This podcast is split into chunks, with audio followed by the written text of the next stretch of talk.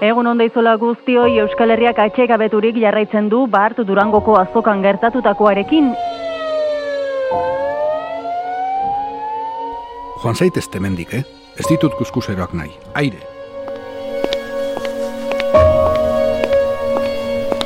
Izenik ez, baina... Bueno, nik ez dizuet hau eman ados.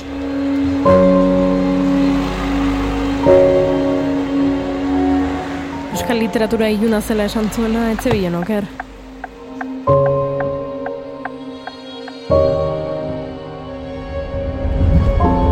Baina zuz, zuz zerra, zerra izara esaten.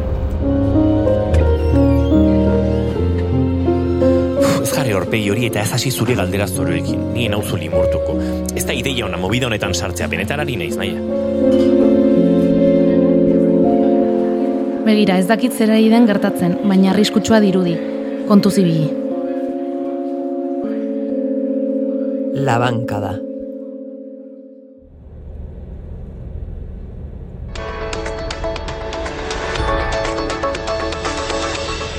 Egun onda izola guztioi Euskal Herriak atxegabeturik jarraitzen du Bart Durangoko azokan gertatutakoarekin inorketzuen alakorik espero, film nordiko gordinenetan nola, arkaitzkan oidazle ospetsua estan batean hilik agertu zela zabaldu da sare sozialetan eta baita hainbat komunikabidetan ere. Momentuz ez daukagu ustezko hilketaren inguruko informazio ofizialik iritsiala emisioeten eta jakinaraziko dizuegu. Bitartean, azokak bere oiko formatu... Datu gehiagorik ez daukatela, nola ba? Joder, zen movida. Euskal literatura iluna zela esan zuena, etze bilen oker. Naia ez dut uste prometan ibiltzeko momentua denik. Ai, egia da, barkatu. Ostia, baina oso fuertea da, eh? Burutik jota egon behar duzu arkaitzkan hiltzeko. Ezin zuen beste idazle bat aukeratu? Naia ez esan horrelakorik. Bueno, nahi. Badakizu arkaitz nire favoritoa dela. E, zela. E, dela, ez? Hilda badago ere nire idazle favoritoa izaten jarrituko du. Zentratu zen. Norote da hiltzaia? Eta ze xola du horrek horrein. Dena, xola du. Norden jakin beharra dut. Hori egitera bultzatu zuten arrazoi ulertzeko. Arkaitzka, no, joder, benetan. Kristum tipoa da eta. Bueno, e, zen. Ez dut usteen beste jakingo dugunik. Poliziak esango du hiltzaia norden asko jota harrapatzen badute, baina zergatik hil duten ez dut uste. Ba, orduan guk ikertuko dugu. Bai, bai. Mm. Egon, benetan ari zara? Noski, benetan ari naizela. Eta, bua, ari zait okurritzen, ideia puska bat, hola, derrepentean. Bai, hori da. Podcast bat egingo dugu kasuaren gure jarraipenarekin. Benetan diozu zure idazle kutxunaren erailketa aprobetsatuko duzula, betidanik amestu izan duzun podcast txoro hori abian jartzeko, eske flipatzen ari naiz. Bai, ez ba? Ikerketa sekretu bat jarriko dugu martxan. Podcastak idazteko autolaguntza artikulu guztiek diote, benetan interesatzen zaizun zerbaiti buruzkoa egin behar duzula. Nabaritu egiten dela bestela entusiasmo falta. Banien hau bat ere entusiasmatzen gai honek, eta gainera, hau legala da. Bueno, ikerketa klandestino honekin ez dugu ofiziala oztopatuko lasai. Zer egingo luke Miss Marplek gure kasuan? Nordan Marple. Joder, benetan unai? Nire zerrenda beltzean sartuko zaitut zuzenean. Bueno, berdin dio, ez gara Marpel, baina Agatha Christieren liburuak irakurri A ditugu. ber, a toda hostia joan beharra daukagu kontuz gidatu, mesedez? Ai, relajatu! A ber, nik ez dakit ezer novela beltzez, badakizu ez zaidan literatura batere gustatzen. Eta gainera, hau ez da novela bat. Ez dudan sekula ulertuko da, zergatik ematen duzun izena azokan voluntario moduan lan egiteko. Ba erreza da ulertzen, parrandaren gatik. Denok ematen duzuelako izena hemen, eta bestela nik olgatuta gelditzen naizelako abenduko zubi guztian iruñan. Eta erraz ligatzen delako hemen. Denek uste dute euretako bat zarela, eta filtroa errazago pasatzen duzu. Ze filtro pasako duzuzuk ez dakizu eta novela beltzak eta poliziakoak desberdintzen. Nire partner in crime izan nahi baduzu, hasi espabilatzen ja. Naia, orain benetan, gauza serioa da.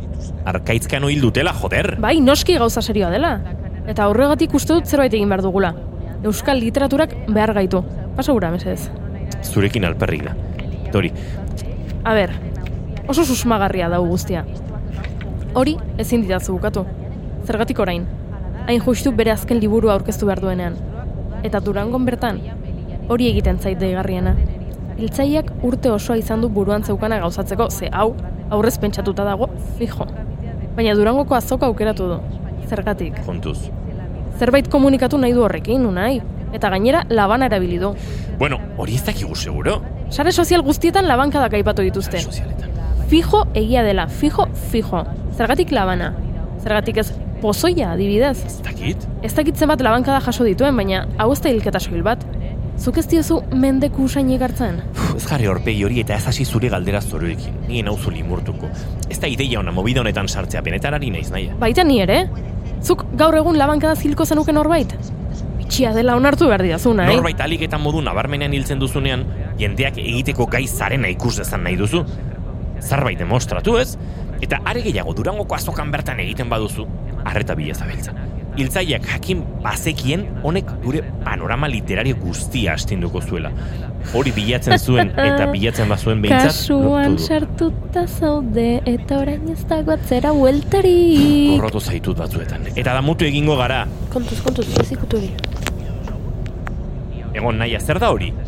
Orain arte hitz egin dugun guztia grabatu duzu? Noski, esan dizut podcast bat izango zela. Venga, segizketan ederkiari zinen eta. uste nuena baino okerrago zaude. E, en fin, azkenean beti egiten duguzuk nahi duzuna. Esan, zein da eman beharreko lehen pausa. Ara gure detektibe. Kontuz, irtera bartu behar duzu. Bai, bai, badakit, eh, nik ere entzun dut. Vale. Bueno, a ber, broma gutxi, bururatu zaizu nondik hasi. Egin behar dugun lehenengo gauza, hilketa estena ikustea da. Ez digute pasatzen utziko nahi. Uste duzu azokak normal, normal irekiko dituela bere ateak gaur. Bueno, sartzea ez da arazoa izango. Topatuko dugu modua. Pistaren bat aurkitzen badugu... Baina naia, poliziak estena aztertu badu, ze froga aurkituko dugu gukor. Dena garbituko zuten dagoeneko. Alere hurbildu egingo gara unai. Eta ondoren, gertatutakoaren lekukoak bilatuko ditugu. Ziur, norbaitek zerbait susmagarria ikusi duela. Bai, eta seguru zurekin hitz egin nahiko dutela. Eh? Zergatik ez? Galdera egokiak egiten bai... Wow, itxen momentu bat.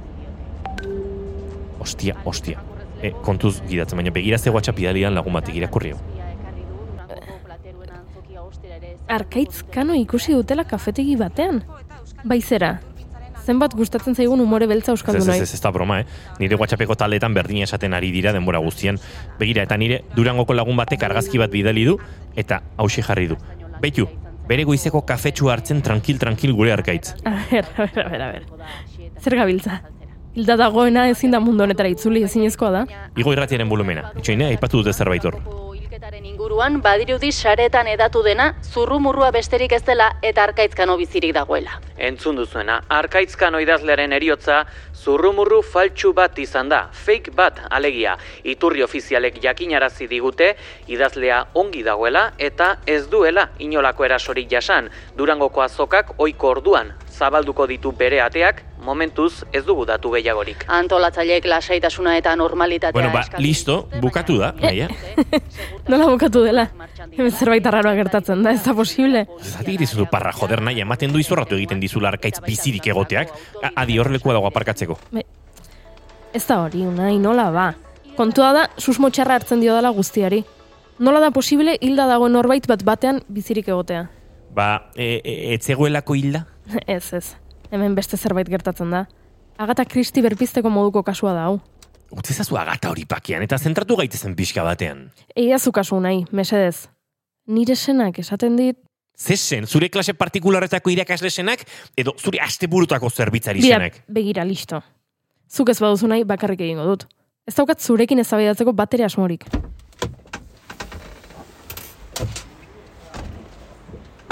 Ez, lagunduko dizut, venga, ba, baino, uste dut alperrikari garela, nire ustez promozio kontu bat besterik ez da izan.